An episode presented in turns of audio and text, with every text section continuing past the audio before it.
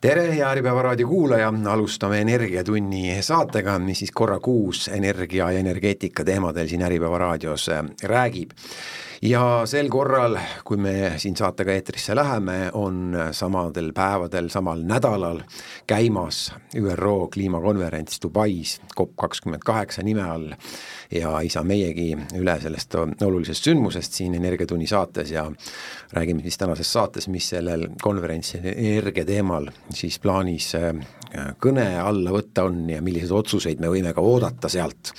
ja saate esimeses osas on meil siis külaline siin Äripäeva raadio stuudios Kliimaministeeriumist äh, asekantsler Kristi Klaas, tervist! tervist! mina saatejuht Lauri Leet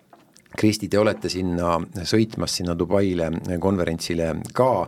täna esmaspäeval, kui me seda siin saadet salvestame, neljandal detsembril olete veel Eestis. nüüd konverentsile sõidab kohale, nagu me meediast juba ka teame, üle maailma huvilisi, osalisi ja, ja poliitikuid ja ettevõtjaid. no ei hakka siin peatuma sellel teemal,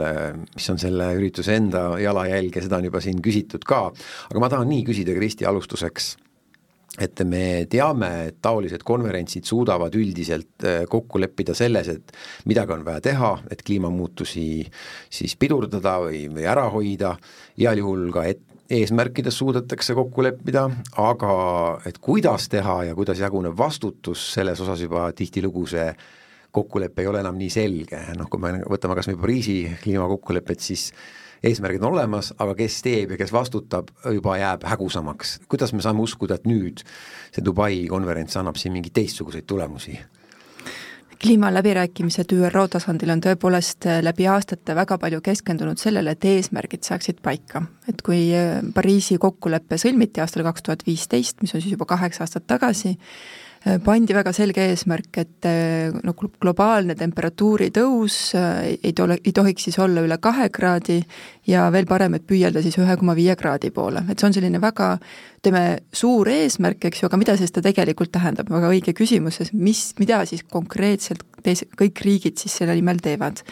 ja nüüd esmakordselt äh, sellel, ähm, sellel kor-, korral läbirääkimistel tehakse selline noh, nii-öelda nagu inventuur või kokkuvõte, et kuhu siis on erinevad riigid selle eesmärgi saavutamisel jõudnud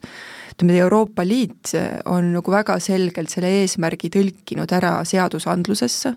on vastu võetud Euroopa Liidu kliimamäärus, kus siis väga selgelt võeti eesmärk, et vot, et Euroopa Liidu üleselt me peame selle eesmärgi nimel jõudma selleni, et me vähendame oma heidet miinus viiskümmend viis protsenti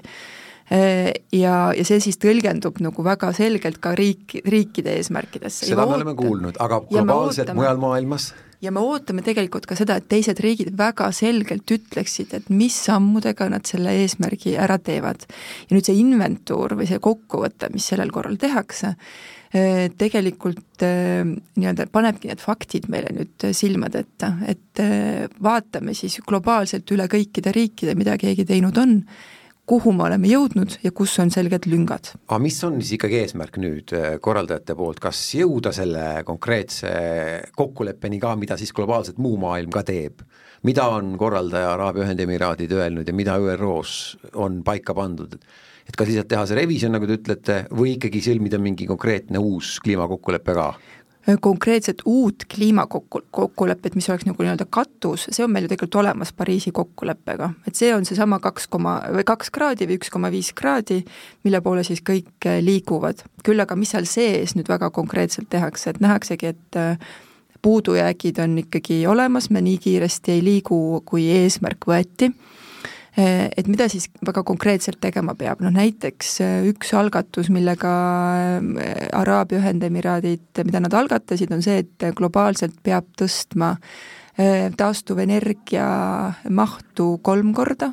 ja taas, ja energiatõhususe määra kaks korda ja sellega nüüd praeguseks hetkeks äh, siin iga, igapäevaselt äh, riik aina liitub, üle saja riigi on juba sellele nii-öelda kokkuleppele alla kirjutanud, et see on see, kuhu poole liikuma peab. ja noh, kui ütleme, kui siin näiteks konkreetselt siis Eesti Eesti näidet võtta, siis Eesti on võtnud selle eesmärgi, et taastuvelektri maht aastaks kaks tuhat kolmkümmend tõuseb meil rohkem, isegi rohkem kui kolm korda, kolm ja pool korda väga hea, et Eestit tõite. Eesmärgiks, Eesti ongi meil siin ikkagi fookuses, aga veel üks üldine küsimus. Seal konverentsil, ma saan aru, on selline kinnine tsoon, kus ongi riigid ja tehakse poliitilisi kokkuleppeid, aga on ka see avatud tsoon, kus saab siis tulla piletitega lihtsalt kuulama, kus ettevõtted siis teevad ka B2B diile või vähemalt selliseid äh, eelkokkuleppeid, kumb siis on see kokkutulek rohkem, kas äh, äriline äh, või siis ikkagi mingisugused suuremad ühiskondlikud poliitilised otsused, tundub, et siin on natukene läinud nagu segamini või kõike tahetakse ühte potti panna, aga ei saa olla ärikonverents ja samal ajal siis ka kliimapäästmise konverents ju samas kohas ja samal ajal mm. -hmm. No see põhifookus on ikkagi kliimaläbirääkimistel, see on see A ja O, mille ümber, mille ümber see üritus toimub küll aga mis, mida kliima eesmärkide saavutamisel on alati räägitud, on see, et kas piisavalt on olemas tehnoloogiat, et neid kliima, kliimaeesmärke saavutada. ilma uue tehnoloogiata need eesmärgid pole saavutatavad, selles on nii-öelda konsensus olemas. ja, ja mida väga selgelt ka analüüsid on välja toonud, on see, et need tehnoloogiad, mida meil on vaja kaks tuhat kolmkümmend eesmärkide saavutamiseks, need tehnoloogiad on praeguseks olemas, need, mis on aastal kaks tuhat viiskümmend eesmärgiks vaja, need on osati veel välja arendamata eh, ja vajavad siis eh, suuremat veel rahastust. ja nüüd, mida siis eh, seal ettevõtted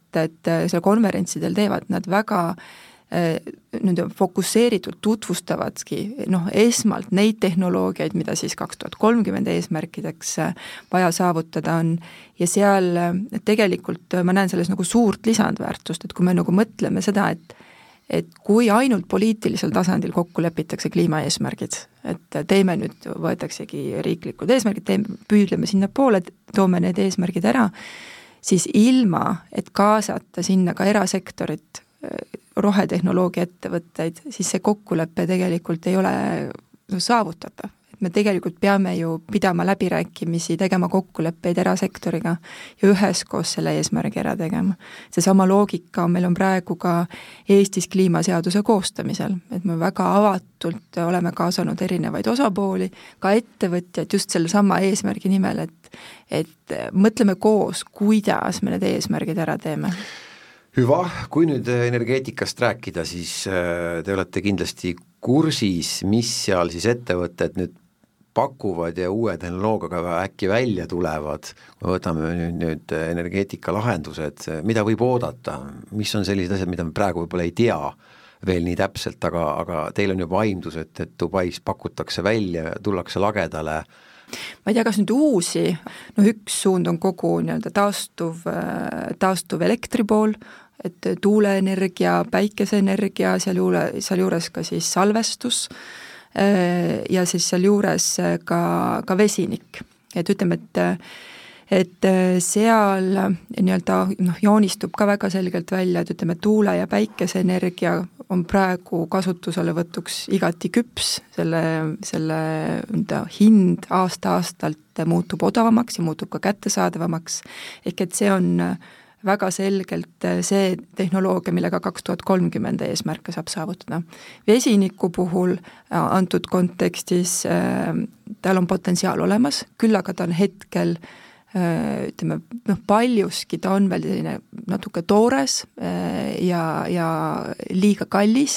et mis, mistõttu selle nii-öelda, selle kasutuselevõtt noh, esimesed sammud on, aga veel nagu väga hoogsalt kasutuselevõttu äh, ei ole, et see nagu pigem siis jääb sinna kahe tuhande kolmekümnenda aasta kanti, eks ole, kus ta tõenäoliselt rohkem äh,, rohkem siis äh, nii-öelda kasutusse jõuab siis ütleme, üks suund kindlasti on ju tuumaenergeetika, mis seal äh, täpselt samamoodi laual on ja eks seal ka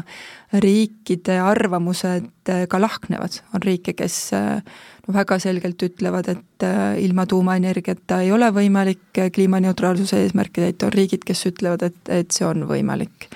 kas Eesti osaleb mõnel tuumaenergia teemalisel paneelil ja mis on Eesti selline seisukoht, kui kuskil keegi küsib, on võimalik ilma tuumaenergiata või ei ole? Üldiselt ehm, tuumaenergia osas me oleme väga palju lähtunud sellest, mida, mis, milli-, millises staadiumis on meie siseriiklikud äh, arutelud seoses tuumaenergia kasutuselevõtuga. no raport kohe on lõppemas, valmimas. just, raport kohe on valmimas ja seal nagu väga faktipõhiliselt me oleme hoidnud seda diskussiooni, äh, et mida meil on siis aidanud ka Rahvusvaheline Aatomienergia Agentuur läbi mõtestada, millised sammud selleks on vaja teha, tuumaenergiat kasutusele võtta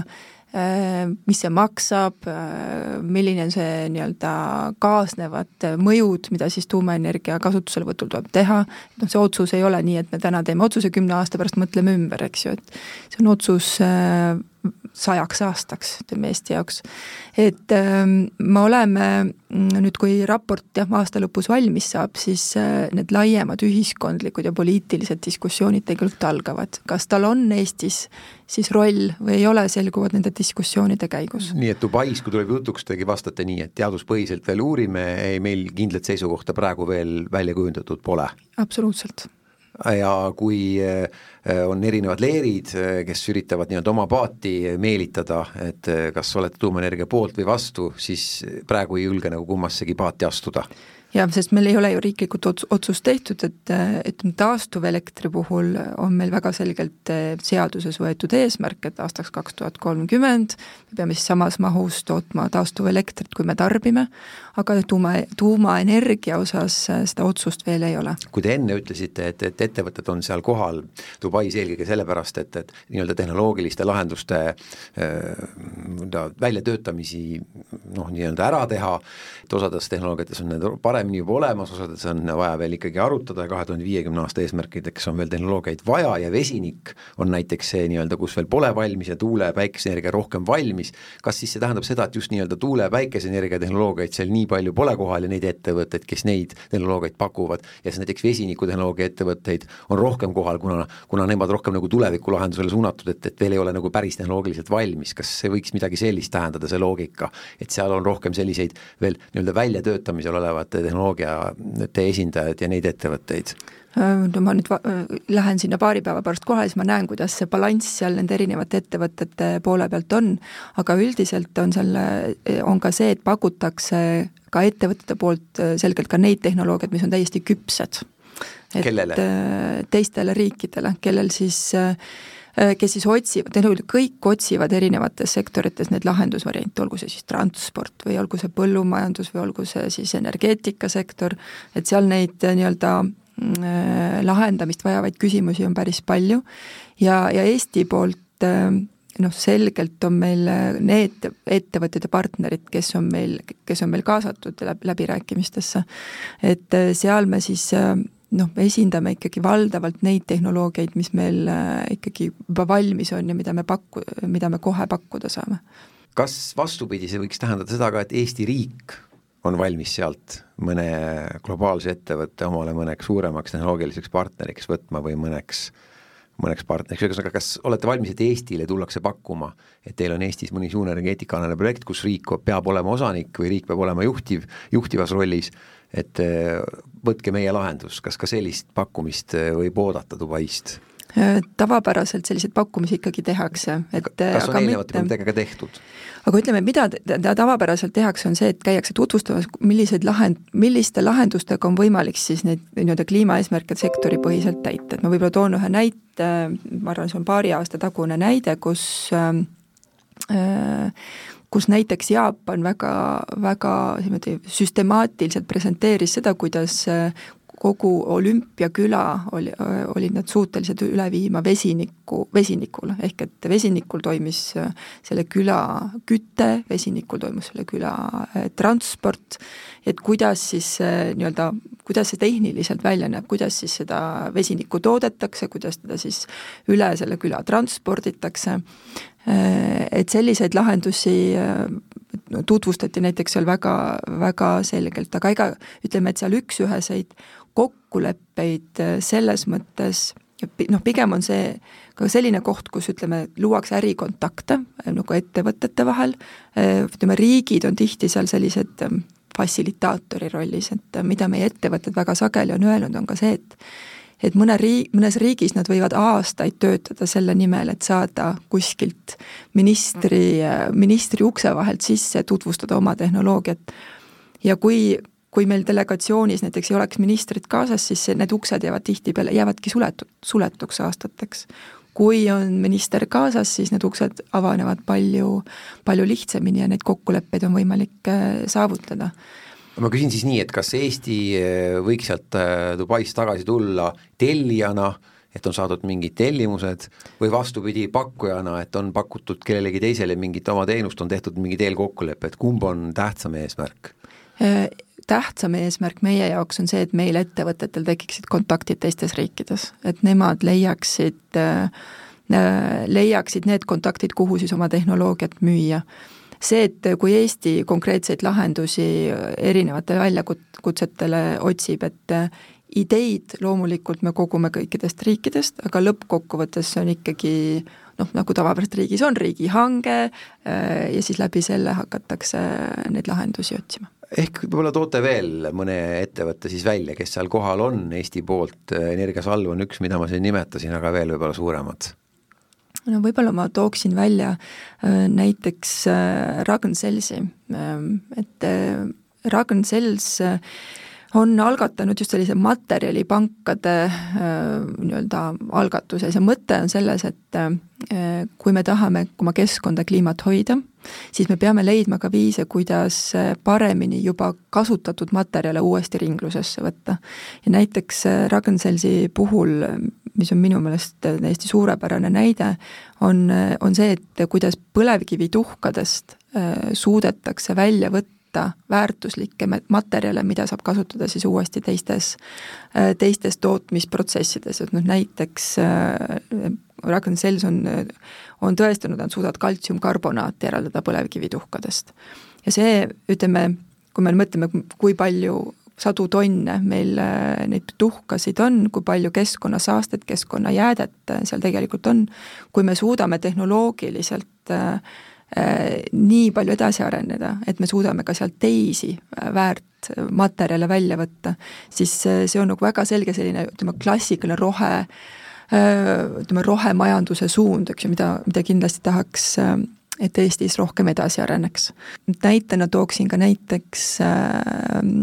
Fibenoli, kes siis äh, on nii-öelda kontsentreerunud või su-, noh, suunatud puidu väärindamisel, just puidukeemia, kuidas siis äh, erinevaid puidusuhkruid äh, puidust eraldada ja kasutada siis erinevates tootmis, tootmistsüklites, et näiteks äh, nad on koostöös ehitusfirmadega teinud katse, et Eestis toota süsinikuvaba asfalti. et asfalt on väga selline süsinikuintensiivne nii-öelda materjal ja protsess, et kuidas siis tegelikult äh, seal olevaid äh, materjale asendada teiste nagu biopõhiste materjalidega, on niisugune väga selge suund ka, mida siis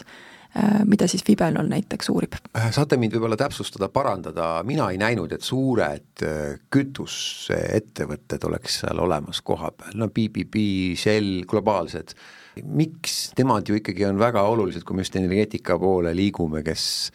kes ka nende heitmetega ju tegelevad ja kes peaks olema nagu eriti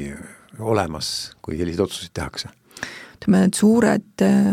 suured kütuseettevõtted on pigem selles mõttes esindatud läbi riikide, kes on siis sellised klassikalised naftariigid, kes siis laua taga on selleks, et kokkuleppeid saavutada, et mis see fossiilkütuste tulevik on. ja ma arvan, et see on üks keerukamaid punkte üleüldse läbirääkimistes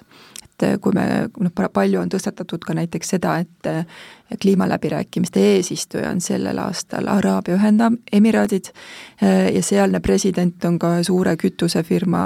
tegevjuht, et kuidas siis tegelikult see läbirääkimisi mõjutab, et noh, üks pool on see, mis ma alguses tõin ka ja mida ma ise siiralt usun, on see, et meil peavadki ümber laua olema kõik need,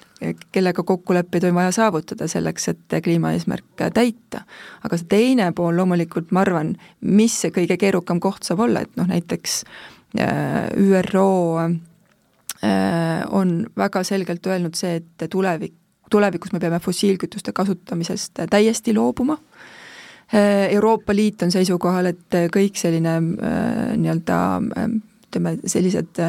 sellised sektorid, kus on võimalik fossiilkütuste asemel kasutada teisi allikaid, et need tuleb kõik asendada, noh näiteks elektri tootmine on üks näide, eks ole, kus meil tegelikult alternatiivne tehnoloogia on juba olemas, et, et nendest fossiilkütustest me peame, peame sihikindlalt,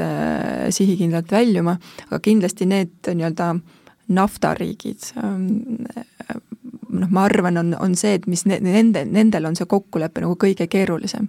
et, et seal kindlasti Äh, ütleme, näeme, kuhu see kokkulepe siis viib. jaa, et, et ütleme, et nii Araabia Ühendemiraatidel kui, kui näiteks äh, Kataril on äh, seal piirkonnas no selliseid ilusaid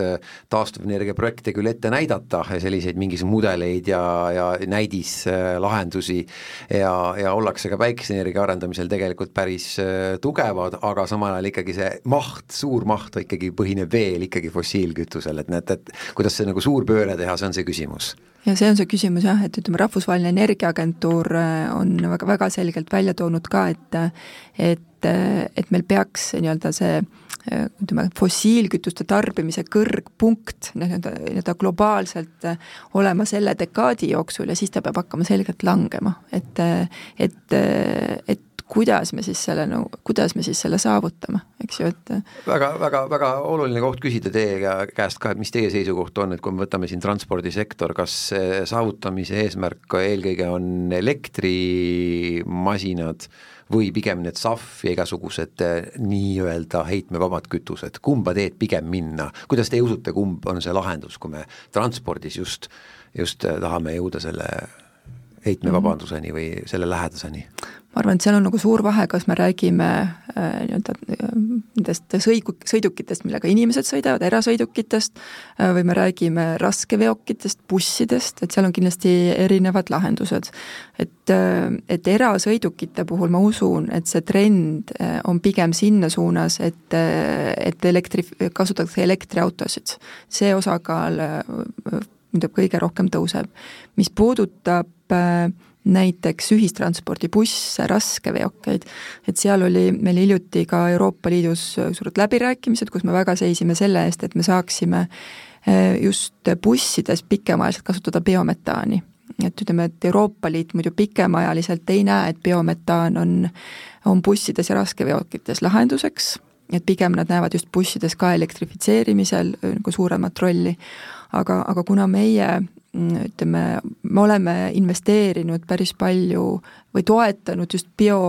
biometaani tootmist ja samuti samuti seda, et meil on kohalikud omavalitsused teinud neid nii-öelda jah, nüüd investeeringuid nii biometaani tootmisesse kui ka siis meil on ka biometaanil sõitvaid busse kohalikes omavalitsus, omavalitsustes päris palju, et siis me näeme, et ütleme, et aastani noh, kaks tuhat nelikümmend ikkagi võiks ka biometaan bussides olla eh, kasutusel. nüüd raskeveokite puhul mis lennukeid, lennukikütuseid eh, puudutab, et seal eh, tõepoolest nendel alternatiivkütustel on, on suurem roll, et ütleme, raskeveokite puhul, mis elektrifitseerimise nii-öelda vastu räägib, on see, et just raskeveokid, kes, mis liiguvad siis pikki distantse mööda, ütleme, akud võtaksid väga suure osa selle, ütleme, kogu selle sõiduki massist, et ütleme, praeguste tehnoloogiatega see ei ole saavutatav, et seal pigem siis võib-olla vaadatakse nende alternatiivkütuste poole meil see jutuajamine siin täna peab hakkama kahjuks juba Kristi Klaas läbi saama, aga ma küsin lõpetuseks ka nii, et äh, kui nüüd jällegi mõni ettevõte siin äh, kuulab meie juttu ka, energia valdkonnas tegutsev, ütleb, et jaa, et võetakse vastu võib-olla otsuseid, pannakse paika mingid eesmärgid, aga meie peame selle kinni maksma. meie jaoks tähendab see jälle uusi investeeringuid ja me ei ole üldse kindlad, kas äh, ja kui palju meil on võimalik äh, nii seda, nii suures mahus neid investeeringuid teha ja neid eesmärke saavutada, siis äh, te mõistate seda muret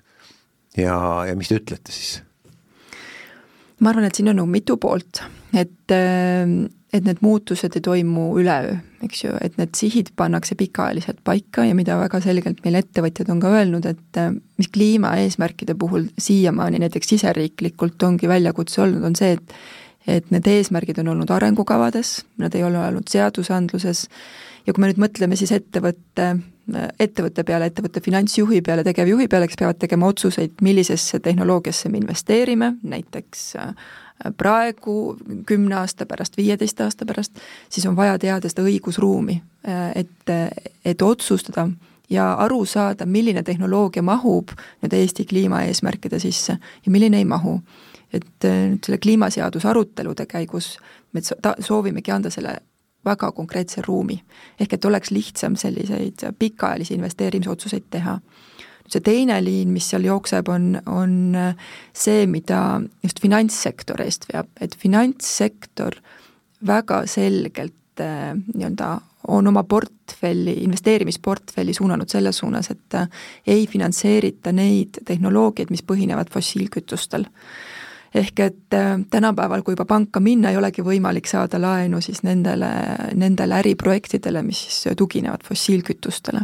Et see on nagu väga, väga selgelt see nii-öelda see teine suund, mis seda üleminekut äh, mõjutab. ja nüüd see kolmas, mida me ka siis kliimaseaduse raames otsime,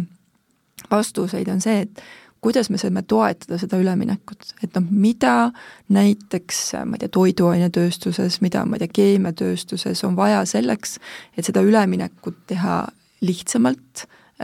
milliseid toetusi mingil hetkel on vaja, kuidas seadusandlus peaks, peaks toetama, sest see suund, see kaks tuhat viiskümmend suund tegelikult on nagu selge, aga lihtsalt peab olema seda julgust ja läbimõtlemise soovi, et kuidas siis see kolmkümmend aastat siin nüüd välja näeb. hästi, aga nüüd siis see Dubai üritus kasu Eestile, Eesti ettevõtetele siis võiks ühtepidi tuua nii, et need, kes seal kohal on, saavad võib-olla mingid kokkulepped, mingid eelkokkulepped oma tehnoloogia pakkumise osas ja teistpidi, ma saan aru, siis sisend ja selline tõuge Eesti kliimaseaduse täpsustamiseks, väljatöötamiseks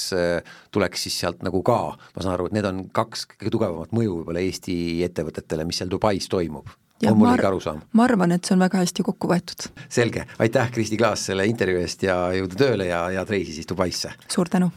nüüd on meil hea meel öelda tere tulemast telefoni teel, meil on loodud ühendus Dubaiga konverentsil viibiva Energiasalve äriarendusjuhi Mario Veega, tervist, Mario! tere, Lauri! Dubaist siis otseühendus on meil siin tänasel teisipäeva õhtul loodud. Mario sina oled nüüd äh, olnud Dubais äh, konverentsil kohapeal äh, varsti kaks päeva. millised on nüüd esimesed muljed, on nüüd see tõesti globaalne, gigantne ja täiesti enneolematu üritusega tegemist? no mina nii suurel üritusel isiklikult osalenud ei ole, jah, siin mis nad hindavad, sada tuhat inimest, et noh, Eesti kontekstis võrrelda siis ühe laulupeoga äkki ja, ja kakssada riiki peaaegu ja nendest pooltel on oma paviljonid, rääkimata siis äridelegatsioonidest, kes äh, enda ettevõtetest räägivad ja igasugusest äh, huvigruppidest, äh, rühmadest, kliimaaktivistidest, no igatpidi ühiskonna läbilõige on siin kohal, nii et kindlasti on suur üritus, jah võtab natukene silme eest kirjuks ka nii-öelda segamini veidi läheb orientatsioon või suudate ikka fookust hoida? Ei, tuleb, tuleb pingutada selle nimel, eks siin äh,, kuidas ma ütlen, et, et fookus kipub äh,, erinevad äh, tuled vilguvad ja kõik tahavad oma, omale tähelepanu saada, aga tuleb ikkagi fookust hoida, et siia sai ju ikkagi eesmärgiga tuldud äh,. lisaks sellele, et silmaringi laiendada nii energiasalv, äh, siis lühidalt äh, kolm äh, siis nii-öelda vestlusgruppi või, või paneeli Eh, viite läbi ja ka lisaks otsite, nagu välja öeldud on meediale, oma kahele suurele energiasalvestuse projektile siis eh, sealt eh, konverentsilt Dubaist, ma saan aru, siis kas investoreid või ka siis tellijaid või mõlemaid või kuidas, hakkame nendest kahest energiasalvestuse projektist pihta, mida te otsite täpsemalt? no eks me otsime mõlemaid, meil on esimene ambitsioon on Paldiski tema project tõestada, et, et see asi on tõesti võimalik.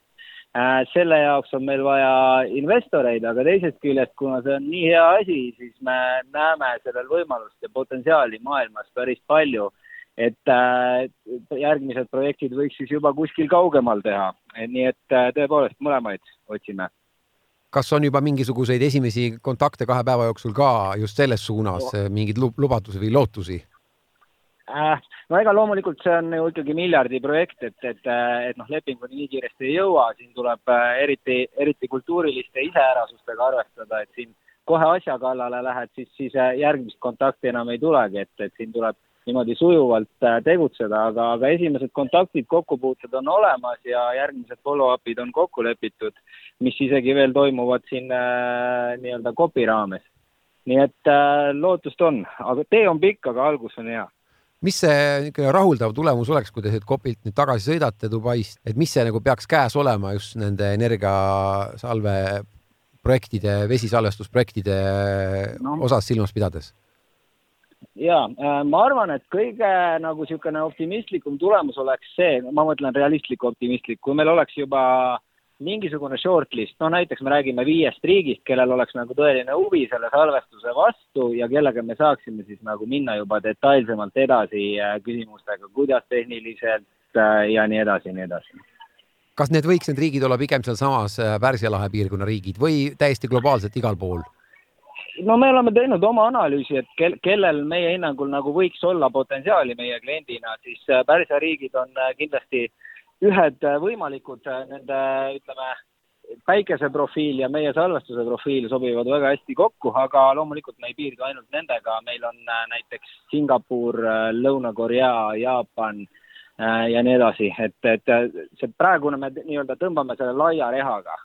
kui võib nii öelda, et, et vaatame, kes sõelale jääb ja kellel nagu huvi on, et kellega on põhjust nagu edasi üksteise aega kulutada ja investeerida, et see asi siis nagu juhtuks. Nendest paneelidest ka räägi palun lühidalt, mida Energiasalv veab, ma saan aru, kolm tükki neid on, lühidalt, mis teemadel ja, ja miks just need? no äh, need paneelid, kaks tükki on nendest juba ära olnud. esimene siis puudutas seda, et, et kuidas siis kaasata ühiskonda või noh, selle kliimamuutusega kaasa tulemisel, ilmselt ei piisa ainult eesmärkide seadmisest. Tuleb puudutada ka seda, et noh, alates sellest, et uh, not in my backyard või siis see mitte minu tagaaias sündroom, kus siis tuulikuid ei taheta, kuni selleni, et mis kasu ühiskond sellest saab. Uh, see oli esimese paneeli sisu, kus oli palju erinevaid mõtteid ja teine küsimus oli äh, seotud finantseerimisega, kus me rääkisime siis sellest, et, et mismoodi siis niisuguseid äh, suuri projekte finantseerida kõige parem oleks ja, ja seda siis just selle nii-öelda kliima, kliimaambitsiooni valguses, et, äh, et seal oli ka palju erinevaid vaatenurki, väga, väga kvaliteetne paneel oli, meil oli Rahvusvahelisest Pangast esindaja, riigi esindaja siis kantsleri näol, äh, Soomest oli äh, esindaja ja UK-st siis väga kõva konsultatsioonifirma KPMG, kes on siis läbi viinud palju erinevaid analüüse, siis esindaja nii et neid kõiki mõtteid siin ilmselt kokku ei jõuagi lugeda, et meie pressiteadetes ja sealt ilmselt on meil nagu kvaliteetsem see sisu välja toodud tahan nüüd sinu käest küsida seda, kui sa seal kohapeal oled, on palju küsitud, et äh, mida see nüüd Eesti ettevõtetele võiks laiemalt tähendada, selline suur üritus, et nad, paljud on seal kohal, äh, lisaks teile veel teie konkurendid mitmed, äh, aga noh, tullakse tagasi, võib-olla saadakse mõned kontaktid, aga edasi tuleb ju oma äri ikkagi ise üles ehitada, vedada, et, et mis mõte sellel ikkagi on seal kohapeal olla, nii palju panustada, kuidas sa võtaksid kokku praegu esimese kahe päeva nii-öelda muljed? ei no aga see kontakt, esimene kontakt ongi ju kõige tähtsam ja sealt edasi peamegi ise hakkama saama kõik, ega, ega me ei loodagi, et meid käe peal kuni lepinguni veetakse, aga siin on äh, tõepoolest kakssada riiki, kes kõik on ühinenud kliimakokkuleppega, on kohal, rääkimata siis äh, ettevõtetest, kellega on võimalik kontakti luua ja ennast näidata. Ja teisest küljest loomulikult ka ütleme,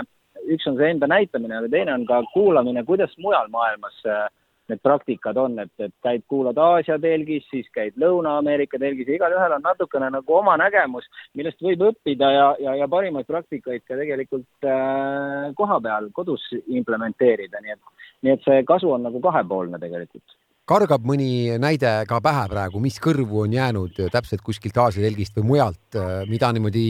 tõesti kiirelt kohe võib-olla tasuks mõelda, et äkki Eestis üle kuidagi kanda või võtta? no viimane küll ei ole Aasia telgist, et just ma värskelt tulin äh, Taani telgist, kus Taani riik on siis äh, praktiseerinud seda, et, et lisaks siis äh, garantiide pakkumisele ta võtab ka vähemusosaluse näiteks energiaprojektides, mis annab siis äh, ka teatud, teataval määral garantii ja teisest küljest, kui sellel projektil hästi läheb, siis ka rahvale jällegi võidu tagasi, mida minu meelest Eestis ei ole nagu väga, väga tõsiselt kaalutud või vähemalt arutatud viimasel ajal kuidas äh, teie tunnete Energiasalve meeskonnaga seal? Eesti on ju väga väike, globaalsed suured äh, ettevõtted on äh, kordades suuremad, et kuidas teie nagu suudate nende suuremahuliste ettevõtete seas noh, nii-öelda e-, esiplaanile tõusta või kuidagi, kuidagi ikkagi nagu tähelepanu köita, kui te olete tegelikult väikesed nagu mahulises mõttes, paratamatult see nii on. No tõsi, tõsi ta on, aga toode peab hea olema ja, ja väiksel on jälle omad eelised, nad on paindlikud, vähem bürokraatiat, kiiremad ja nii edasi, et ega, ega seda ei saa ka alahinnata tahan veel küsida seda, et kui äh, see kriitika, et, et, et globaalses mõttes selline konverents, noh, ma ei hakka siin praegu targutama, pole aega, et mis see üldine keskkonnamõju sellisel konverentsil on ja jalajälg ja nii edasi, aga selles mõttes, et, et toimub see Dubais, toimub see ikkagi naftapiirkonnas ja, ja fossiilkütustest loobumise osas siin on mitmeid sõnumeid olnud siin Araabia Ühendemiraatide suurimast äh, energiafirmast, kes on ka siis selle kliima, kliimakonverentsi vedaja seal, et tegelikult hoopis ikkagi ei saa loobuda fossiilsetest kütustest ja, ja kuidagi nagu see asi nagu tagurpidi isegi mitmel sõnum, mitmetes sõnumites olnud. mis sinu arusaam on, kas on okei okay teha Dubais sellist üritust praegu, kui sa seal oled? No natukene ta siin irooniline on, aga noh, teisest küljest ütleme, kui, kui, kui noh, alustame sellest jalajäljest, et ma just äh, ka selle ühiskonna kriitika peale vaatasin siis välja, et kui palju minu jalajälg on siia ja tagasi lennates ja see on umbes esimese kahe meie toodetud megavatiga tasa teenitud, nii et, nii et äh, see jalajälje ja, ja, ja potentsiaalse nii-öelda kasvuefekt võib isegi olla täitsa okei okay. äh,. nüüd, kui rääkida kohalikest ja nende ambitsioonist, ega nende pähe muidugi ei näe ja, ja võib-olla isegi võiks mõista nende ambitsiooni seda nii-öelda nafta ja, ja gaasi äh, perioodi pikendada, sest et siis neil on lihtsalt äh, tulud suuremad, aga teisest küljest peab aru saama, et eks nemad ka mõistavad, et kui nende tootel enam turgu ei ole, siis, siis need tulud hakkavad tahes või tahtmata hääbuma ja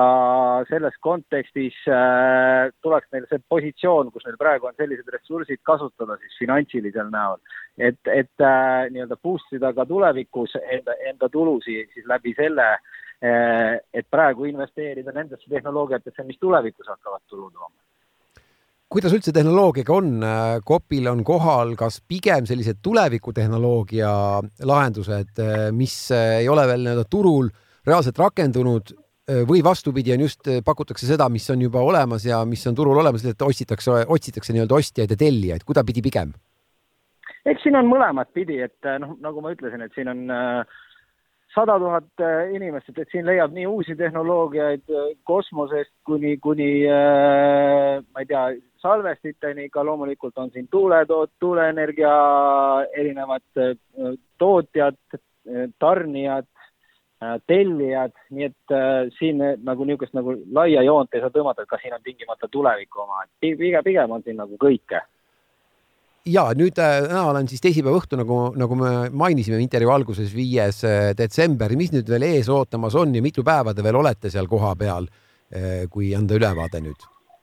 nii, meie delegatsioon on siin äh, neljaliikmeline, mina isiklikult lähen äh, reede õhtul ära, aga teised äh, tulevad pühapäeval järgi, nii et, nii et on veel paar paneeli, on meil kokku lepitud kohtumisi ja siis on ka see nii-öelda laia rehaga, kus me veel lähme kompame, et, et kuidas erinevad riigid ja ettevõtted mõtlevad ja kas me leiame mingisuguseid koostöökohti, nii et päevad tulevad veel tihedad. kui pikad päevad siis on? No päev algab reeglina niisugune üheksa eh, ja siis eh, lõpeb siin eh, ametlik osa kuskil kuue-seitsme ajal, olenevalt päevast ja, ja siis on ka erinevad vastuvõtud veel õhtuti. nii et päevad kujunevad teinekord päris pikaks, et ütleme, väike, väike kumulatiivne unevõlg võib lõpuks tekkida päris lõpetuseks, kellega siis ütleme ikkagi ähm, Eesti ärimentaliteet kõige rohkem sarnaneb, et see on selline jällegi hea selline üldine küsimus, et globaalses mõttes äh, äritegemise kultuurid on erinevad, äh, kes kuidas käitub, kes milliseid kokkuleppeid teeb, kui vara saabub kohtumistele ja nii edasi, et kuidas tunne on, kellega nagu kõige parem selline kontakt on tekkima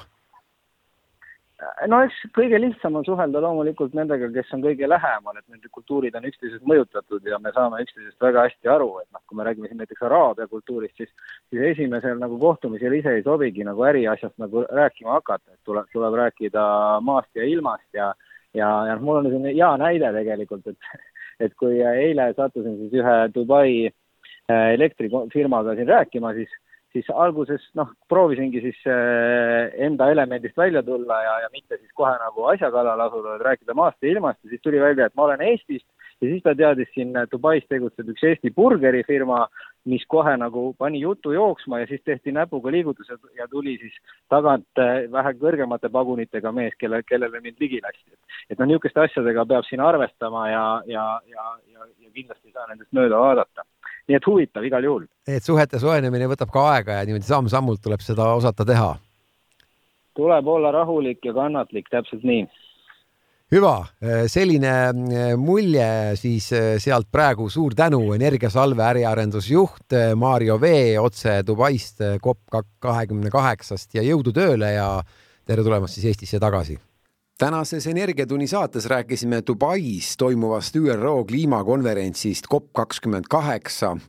ja oma muljeid ja kogemusi jagasid konverentsil osalev kliimaministeeriumi asekantsler Kristi Klaas ning samuti Dubaist koha pealt salvestustehnoloogia ettevõtte Energiasalve äriarendusjuht Mario Vee